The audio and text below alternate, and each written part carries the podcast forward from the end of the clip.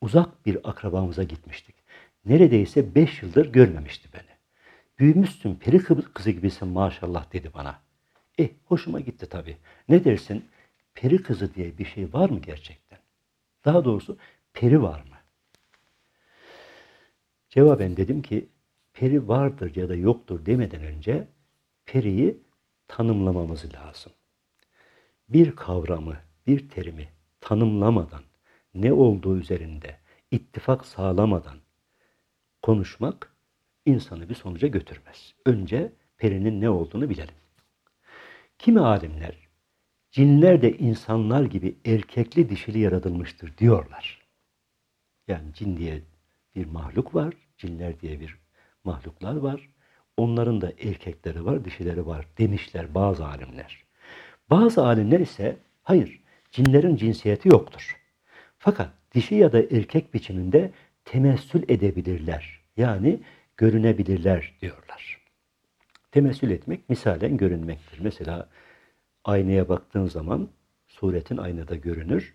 Bu bir temessüldür. Onun gibi. Cinlerin dişilerine ya da dişi biçiminde görünenlerine peri denilmiş. Cinmiş, periymiş, uydurma bunlar, inanmam der kimileri. İnanca aykırı bir laf eder de farkına bile varmaz.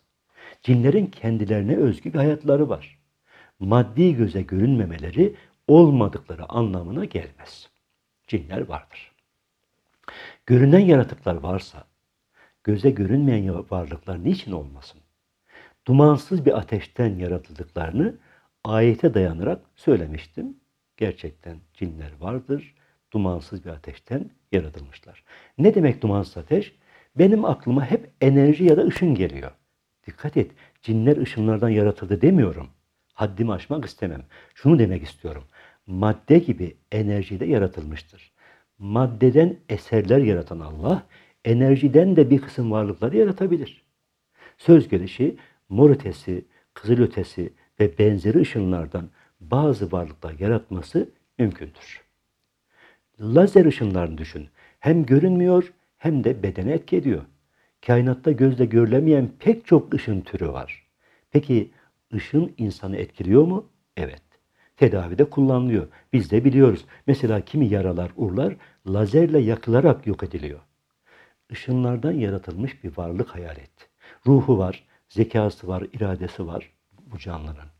Sen onu göremezsin ama o vardır. Hayatı kendine özgüdür. Nitelikleri, sıfatları farklıdır. Duvarlardan, camlardan, bedenlerden geçebilir mesela. Su balıkların yüzmesine, hava kuşların uçmasına engel oluyor mu? Hayır. Senin bedenin de ışından yaratılan bu canlının gelip geçmesine engel olamaz. İşte cinler de bizim kurgusunu yaptığımız bu varlıklara benzerler. Sözün kısası cinler vardır. Bu hakikat ayet ve hadislerle teyit edilmiştir. İnkar eden küfre girer.